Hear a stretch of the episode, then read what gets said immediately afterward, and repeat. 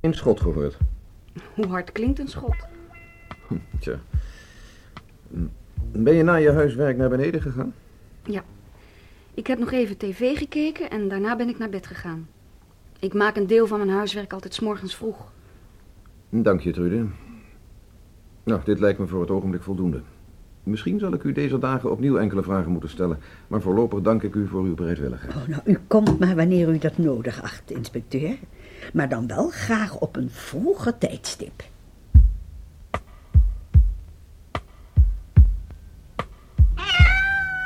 Was de kat getuige? Een hoorspel in vier delen naar de gelijknamige politieroman van Jackie Lawrence Koop.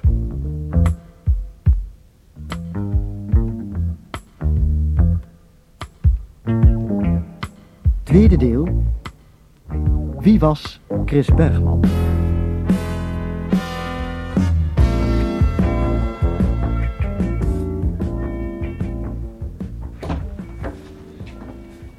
Ben je nog niet naar huis?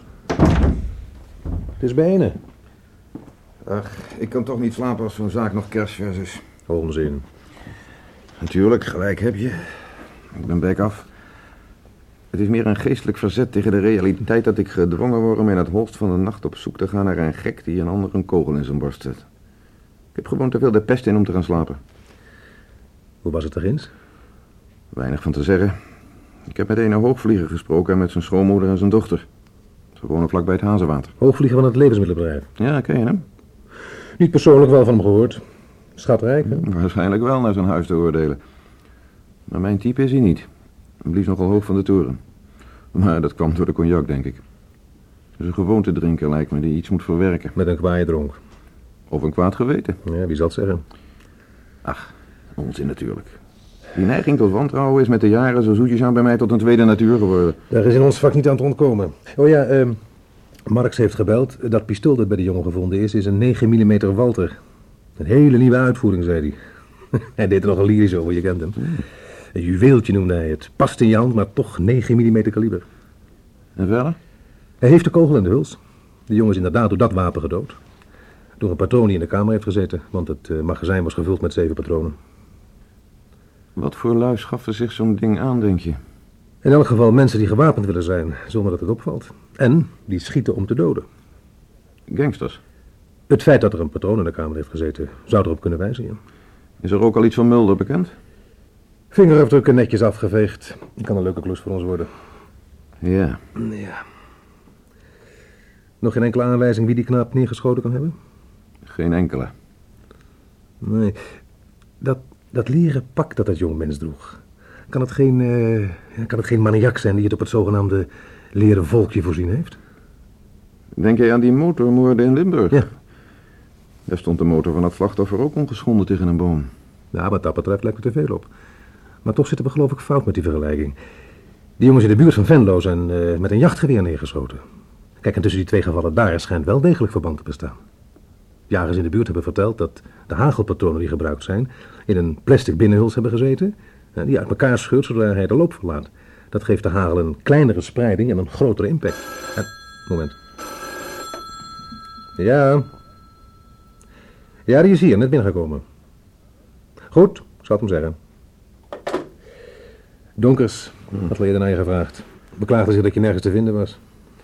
Ik heb de indruk dat hij een ei kwijt moet. Donkers.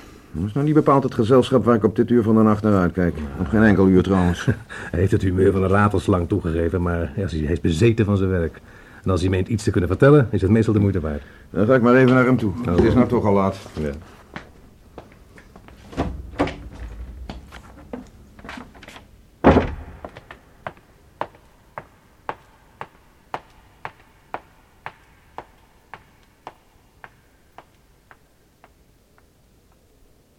Dat jullie ons in het hols van de nacht optrommelen om een partij rotzooi uit te zoeken is nog tot daar aan toe. Maar het lijkt me toch wel de limit dat je dan ook nog op stel en sprong commentaar verwacht. Rustig nou maar.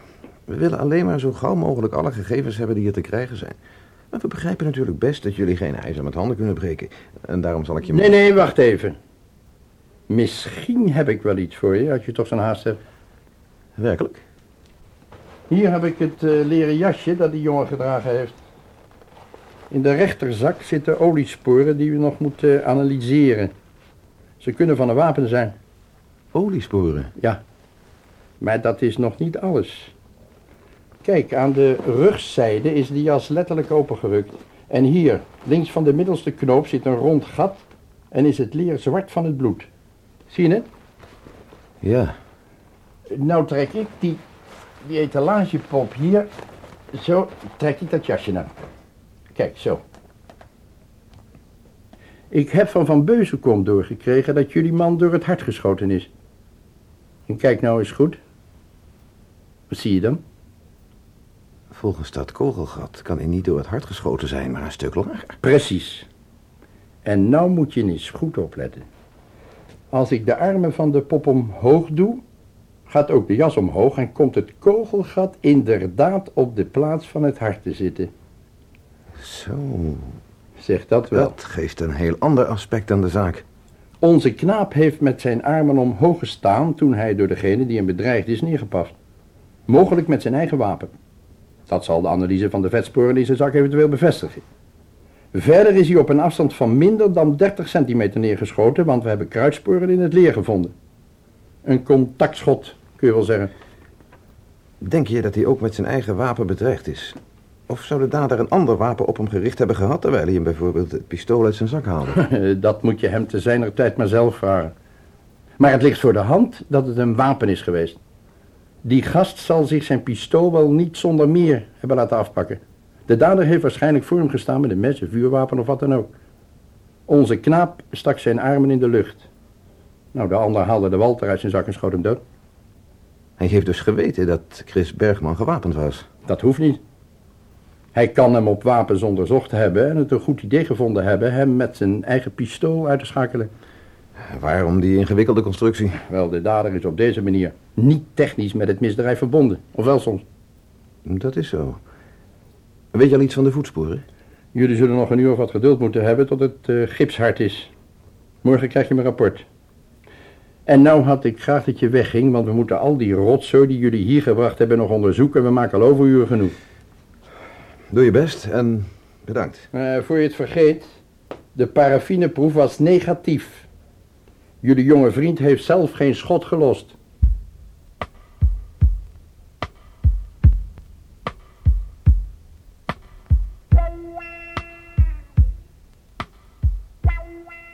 Hoe komt zo'n snotneus aan een gloednieuwe Walter, vraag je je af. Jij sticht hier nog eens brand met die stinkpijp van je, besef je dat wel? Niks aan de hand. En wat je vraag betreft, de illegale wapenhandel met België geeft daar antwoord op. Wat van belang is, is het feit dat wij weten dat de dader, behalve een grote schooier, een pintere knaap is. Zijn slachtoffer met iets eigen wapen koud maken. Zolang we niet meer van hem weten dan dat, kunnen we ons beter tot het slachtoffer bepalen. Wat voerde hij uit als hij niet bij Hoogvlieger in de tuin stond te spitten? Hoe bracht hij zijn vrije tijd door? Wat voor vrienden of andere contacten had hij? Ja. Hm? Mooi, dank je. Timmer, het uitkammen van de omgeving van de PD heeft nog niks opgeleverd. Had ik eerlijk gezegd ook niet verwacht. En de Centrale Recherche-informatie Den Haag heeft bericht dat de vingerafdrukken van de slachtoffer niet in hun archief voorkomen. Dat is dan dat. Dan is ons enige uitgangspunt voorlopig het rapport van Schouten. Die heb ik gisteravond na de ontdekking van het misdrijf nog laat naar de hospitaal van Chris gestuurd om haar op de hoogte te stellen en om inlichtingen te vragen. Ze woont, eh, even kijken, Leidse Kade. Het was wel laat, maar ze was toch nog op. Ja, wie is er? Recherche, mevrouw Groen. Rechercheur Schouten. Recherche? Wat moet u bij mij? U spreekt, mevrouw, over een nogal ernstige zaak. Oh, wacht u dan even, dan doe ik de deur van de ketting.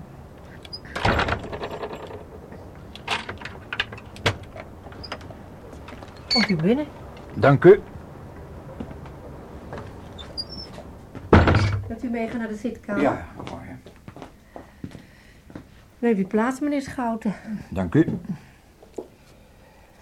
Mijn eh, bezoek valt ongelukkigerwijze wat laat uit. Hm? Neemt u Ja. me niet kwalijk. Ik stond op het punt om in bed te stappen. Wat is er aan de hand? Wel, mevrouw Groen.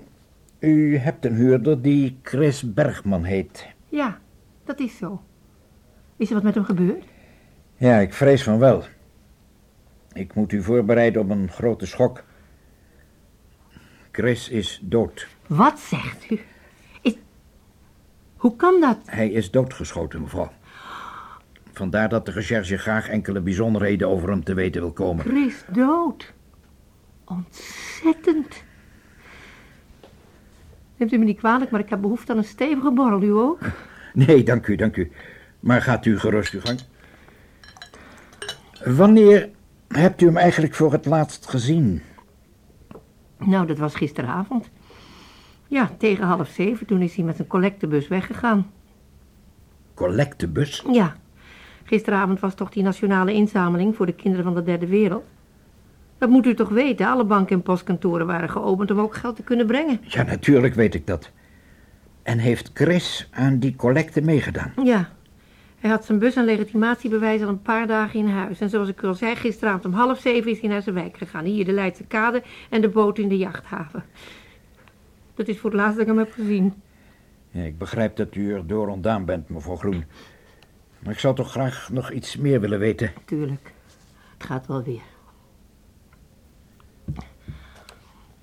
Hoe eh, was zijn stemming toen hij van huis ging? Zoals altijd. Hij was een prettige huurder. Altijd goed te spreken, nooit zagrijnig. Wil u misschien zijn kamer zien? Ja, straks. Er komen een paar mensen om het een en ander te bekijken. Mevrouw Groen, is er nog iemand op zijn kamer geweest sinds hij hier gisteravond is weggegaan?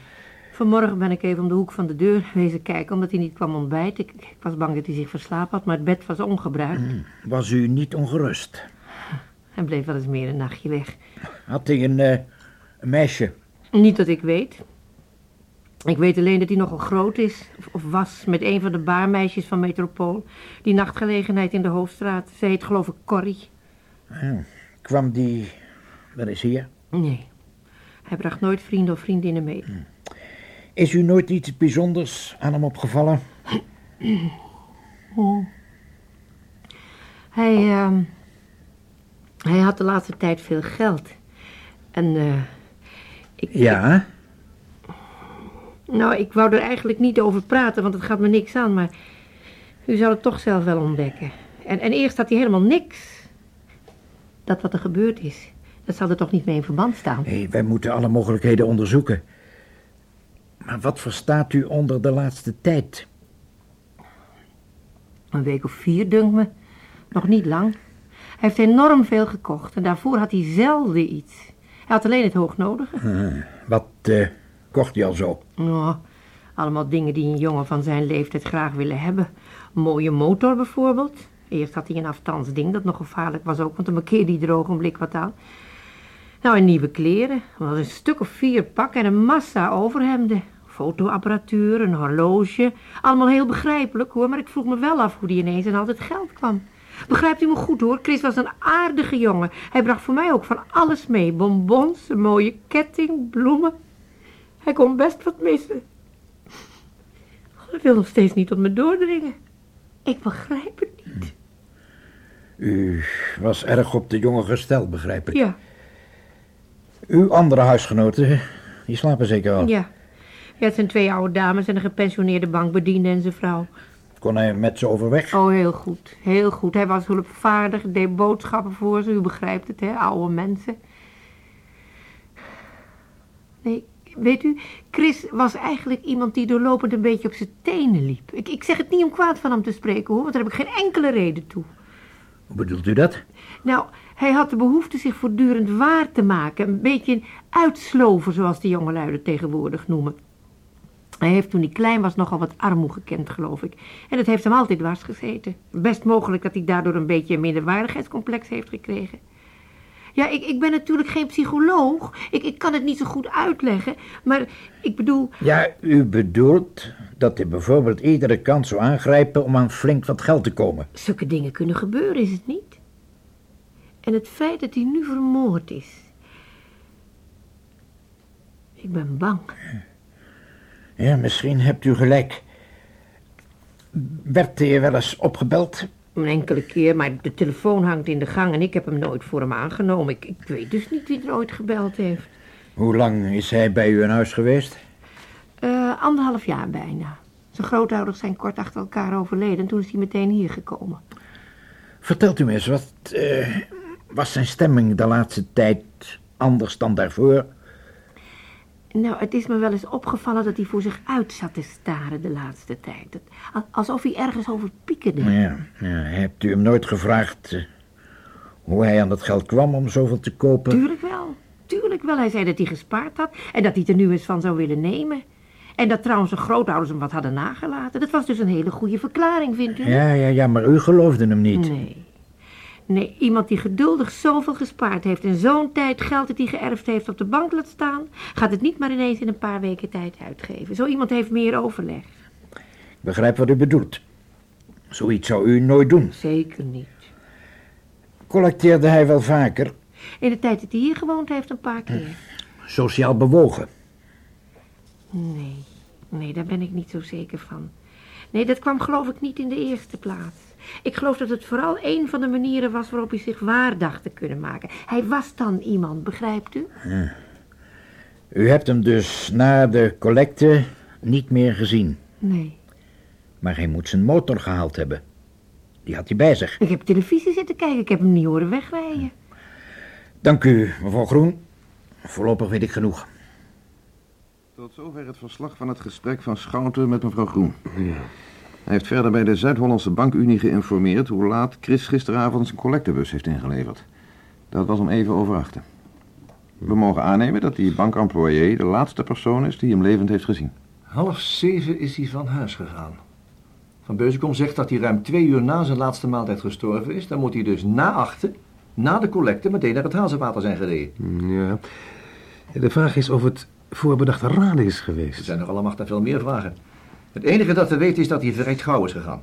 Op deze tijd van het jaar is het tegen negen al niet zo licht meer. Nee, maar licht genoeg om iemand een kogel in zijn barst te jagen. Vooral als die persoon met zijn arm omhoog staat. En in de loop van het pistool praktisch tegen de borstkas drukt. Ik heb zo'n idee...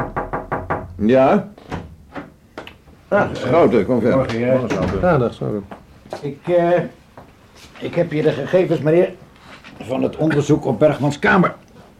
Ja, het heeft enige tijd gekost omdat we een paar zaken moesten checken.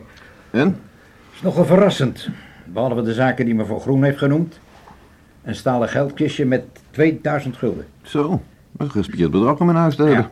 En verder een privérekening bij de Zuid-Hollandse Bankunie ten bedrage van 375 gulden.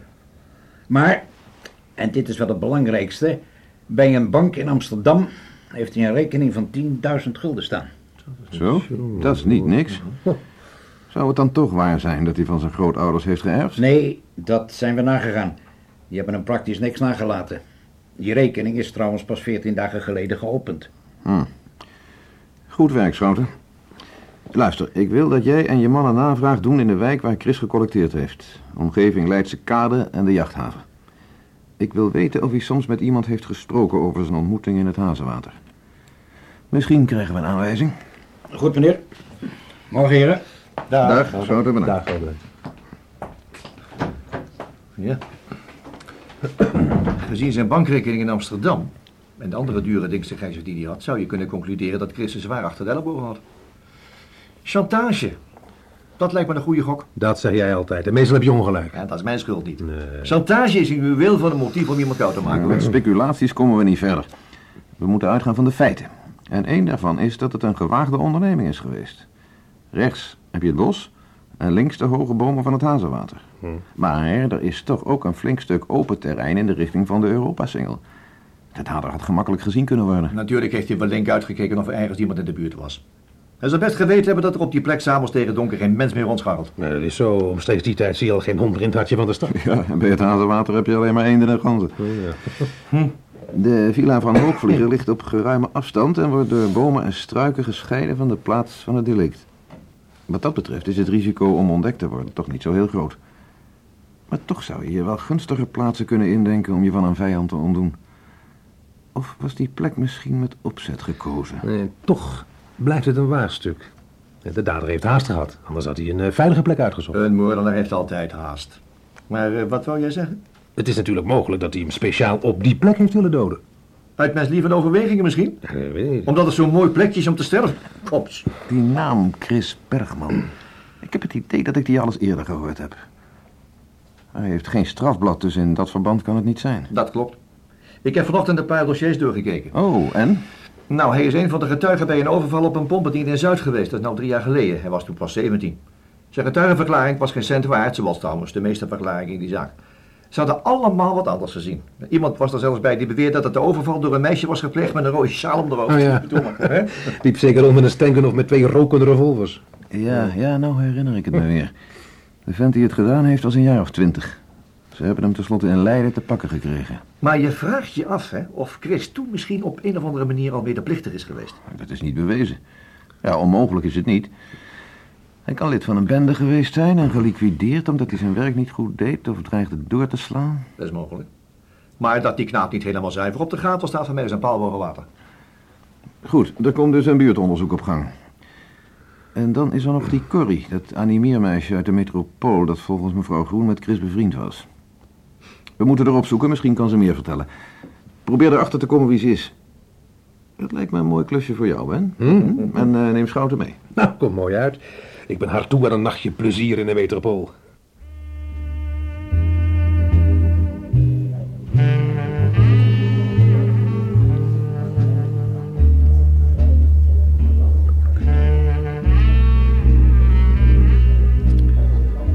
Bah, het stinkt hier als het binnenste van een kogelkit. Zelfs de striptease is nep. Heren, wat kan ik voor u doen? Bent u de eigenaar van deze zaak? Ja. Recherche. Alsjeblieft.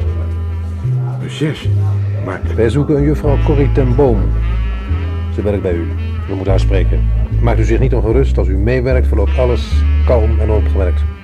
ja, ze zit met een klant aan de bar. Ik, ik kan toch Ik zomaar... zei als u meewerkt. Goed, komt u nog maar.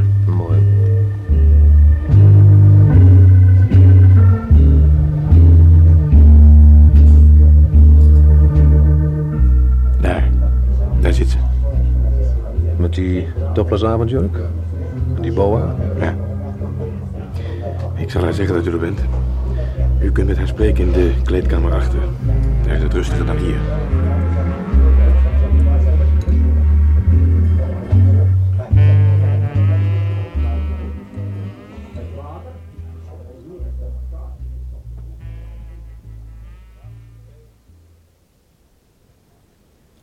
U bent van de politie, zei de baas?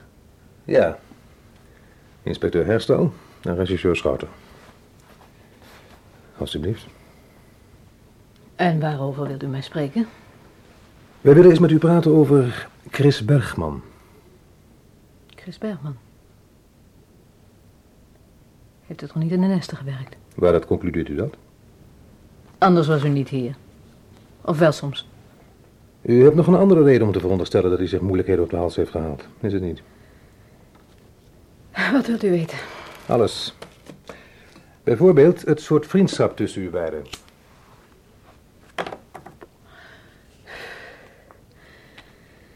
Ik zou u natuurlijk kunnen zeggen dat het u geen bliksem aangaat.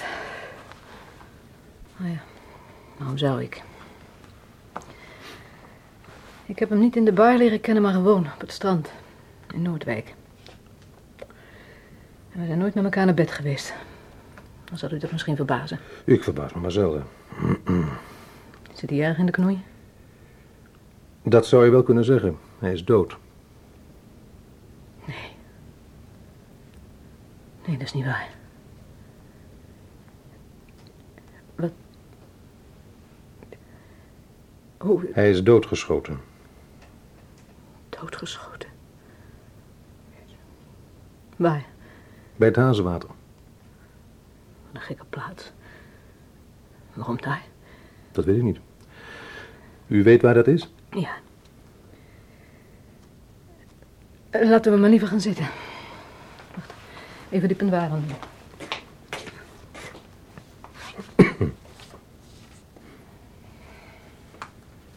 Zo.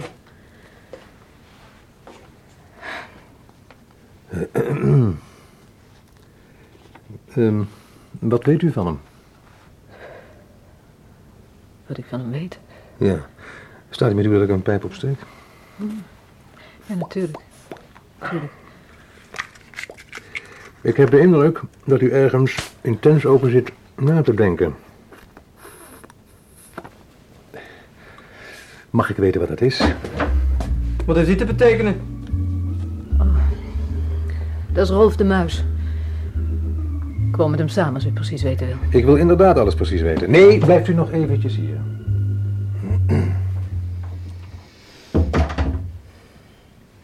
Politie, herstel. Alsjeblieft. Meneer Herstel komt met een rotboodschap. Chris is vermoord. Vermoord. En hoe komt de politie op het idee dat jij er iets over te vertellen Hou je zou maar hebben? ik kan mijn eigen boontjes wel doppen. Dan zou ik maar bij komen zitten. Doen jullie eh, Chris Bergman? Wie heeft dat dan wel gedaan? Wanneer en waar en waarom? Dat zijn zaken waar de recherche zich ook het hoofd over breekt. Daar proberen we achter te komen. Kunt u iets meer over hem vertellen? Jawel. Chris was iemand die het wilde maken, als u me begrijpt. Hij zei bijvoorbeeld om de haverklap... centen, dat zijn de tanden en klauwen die je in deze wildernis nodig hebt om niet het loodje te leggen. Maar hij wist even goed als u en ik dat je met hard werk alleen meestal niet aan zoveel centen komt. Wat bedoelt u daarmee? Precies wat ik zeg. En heeft hij u ook verteld hoe hij aan veel geld dacht te komen als hij wist dat het met hard werken toch niet zou lukken? Nee, dat heeft hij niet. Maar hij zei wel altijd dat er flink wat manieren moesten zijn. Anders zouden er niet zoveel rijke stinkers rondlopen. Hij was dus nogal eh maatschappijkritisch. Hm? Ach, van nee. Politiek en zo interesseerde hem geen lor. Volgens mij bedoelde hij iets heel anders. Want toen ik het tegen hem zei dat sommige van die manieren wel eens verdomd gevaarlijk zouden kunnen zijn... lachte hij me uit en zei dat je het natuurlijk wel handig moest inpikken. En verder ging hij er niet op in. Hij heeft u dus niets verteld. Nee, Hoe hebt u hem leren kennen? Nou, vorige zomer in Noordwijk, maar dat heb ik u toch al verteld. We lagen er naast elkaar in de zon. Het was eivol.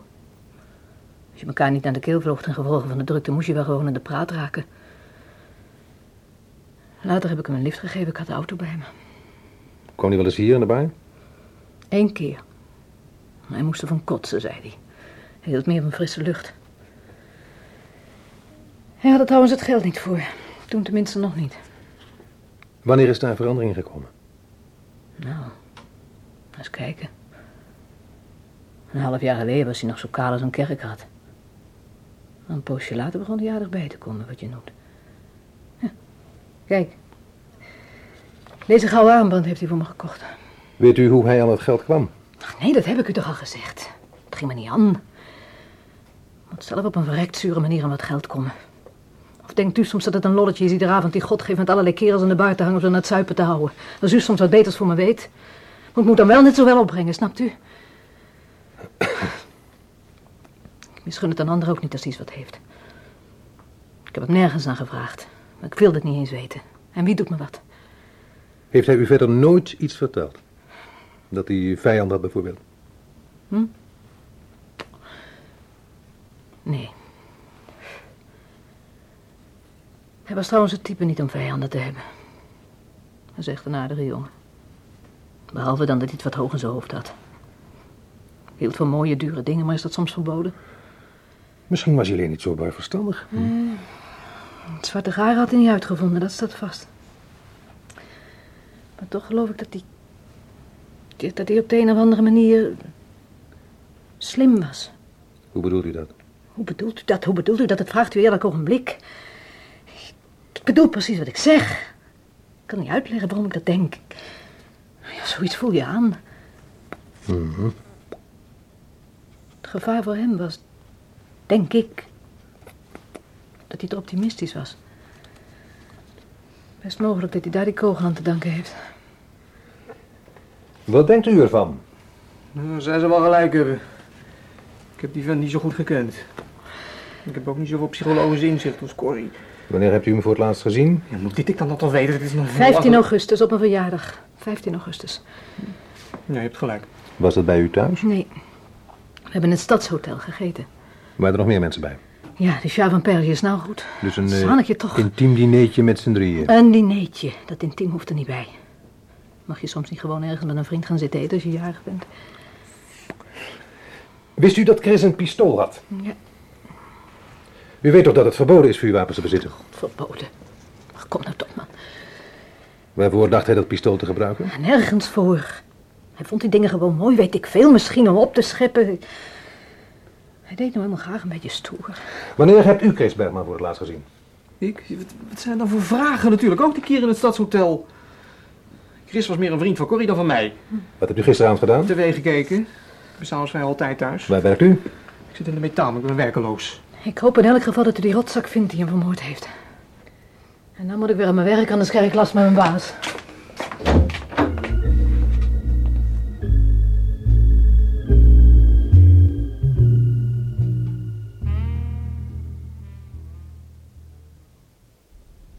We weten nu dus dat die gast een aardige jongen was. Met de neiging stoer te doen en zo gauw mogelijk rijk te worden. En met het nieuwste model Walter op zak. Met de patroon in de kamer. En volgens jou was het glashelder dat die tweede de kroeg je probeerde een oor aan te naaien? Ja. Ja, die, die Rolf de Muis komt me bekend voor, hè, maar... Toch kan ik me moeilijk voorstellen dat ik hem wel eens eerder heb gezien. Dan zou ik me dat toch vermoedelijk moeten herinneren. Hij heeft geen strafblad, dat heb ik al aangekeken. Is er nog nieuws over dat buurtonderzoek? Weinig. Chris heeft op de Nassaukade gecollecteerd en daarna op de Leidse kade. Sommige bewoners herinneren zich een praatje met hem gemaakt te hebben. Tegen kwart voor acht kwam hij bij de twee jachten die in de haven liggen. De eigenaars zaten aan dek van die mooie zomeravond te genieten... en hielden de keel fris met whisky on rocks. Ze hebben hem nog aangeboden een glas mee te drinken, maar dat heeft hij afgeslagen. Want hij wou die avond nog met de motor weg en dan dronk hij niet, heeft hij gezegd. Dan heb je hier meteen de eerste vraag. Hij was dus toen al van plan ergens heen te rijden. Naar een afspraak bij het Hazenwater. Maar waarom juist daar? Waar hij met die motor zo moeilijk komen kon. Heeft hij die mensen in de haven niet verteld waar hij heen moest? Nee, waarom zou hij? Ze hebben hem terug zien lopen over het stuk grond tussen de haven en de Leidse kade. En daar heeft hij even met een man staan praten. Hebben ze een eh, signalement kunnen geven? Nogal tegenstrijdig. De ene dacht dat het een kleine, tengere man was met donker haar, even in de twintig. En de ander beweerde een vrij grote, blonde knaap van een jaar of tien ouder. Alleen het donkerblauwe spijkerpak, daar waren ze het over eens. Dat zal wel komen door de whisky je het had. Toch laten we die jachteigenaren voor de confrontatiespiegel komen. Als we Rolf de Muis aanwijzen als degene met wie Chris amper een uur voor zijn dood heeft staan praten, zullen we hem nog heel wat te vragen hebben. Ja, dat signalement was anders verdomde vaag. En vergeet niet dat ze kennelijk in de olie waren. En eh, bovendien, Wat? Als die muis van plan geweest was Chris Bergman koud te maken, bijvoorbeeld als jaloezie, zou je waarschijnlijk niet een uur van tevoren openlijk met hem op de Leidse kade zijn gaan staan praten. Ja, Koffie, eh, heren. Aha, de koffie. Met eh, aan het schemeren. Wat voeren jullie hier eigenlijk uit? Wij denken... Ah, Ja. nou, dan kom ik er even bij zitten. Ja, die, eh, die Corrie, die was op de avond van de moord al om acht uur in de bar. Ja, ik heb met het andere personeel gepraat. Ze komt altijd vroeg, want haar vriend, die schijnt iedere avond om zeven uur al achter de tv te zitten. Ah, hij voert geen donder uit, zeggen ze. Het levenspad van een animeermeisje gaat ook al niet over rozen. Dankjewel. Ja, je hebt ze in alle soorten. Sommigen hebben een gezin en doen het om bij te verdienen. Anderen onderhouden een vriend. Ja, ze verdienen goed en ze voelen zich zelfstandig omdat ze de hoofdmoot van het budget binnenbrengen. En ze lappen het aan hun laars, wat de mensen zeggen of denken. Ja. Maar toch, toch vraag je je af of die werkloze Rolf die s'avonds om zeven uur achter de tv kruipt geen bepaalde bijverdiensten heeft. Hm? Zullen we die meid maar niet eens naar het bureau laten komen en er eens eh, het een en ander over de Rolfje vragen? Ik behandel dat dan wel. Nee, niet nu. We kijken eerst wat er uit die selectieproef komt. Nou, ik geloof dat die juffrouw wel een aardige karakterschets heeft gegeven van die knap. Hij wilde op een gemakkelijke manier rijk worden, heeft zich met loesje zaakjes ingelaten. En omdat hij misschien geen geboren schoft was, er al gauw naast gegrepen. Maar we weten in elk geval nog iets over hem. Wat dan? Dat hij een stommeling was. De zaak is nog geen 24 uur oud, maar er komt toch wel een beetje tekening in. Zelfs als we verkeerd zitten met het motief van de moord toe te schrijven aan zijn vermeende loesje zaakjes, hebben we ook nog een ander mogelijk motief. Welk dan? De jaloezie van Rolf, omdat Chris goede vriend is geweest met Corrie. Nou, dat hij jaloers was heeft hij wel laten blijken. Goed, nou, ik eh, hou het voor gezien voor vandaag. Thea zal blij zijn als ik ook eens een keertje wat vroeger thuis ben. Wie was Chris Bergman? was het tweede deel van Was de kat getuige? Een hoorspel gebaseerd op de gelijknamige politieroman van Jackie Laurens Koop. De rolverdeling. Paul van der Lek speelde hoofdinspecteur Erik Jager. Jan Borkes, inspecteur De Griep. En Hans Veerman, inspecteur Herstal. Frans Somers was Alex Hoogvlieger. Georgette Hagendoren, mevrouw Platen, zijn schoonmoeder.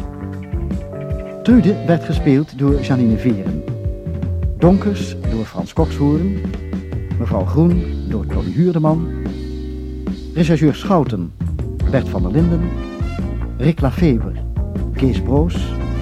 En nachtclub-eigenaar Hans Hoekman. En Corrie, Corrie van der Linden. De werking en regie, Dick van Putten.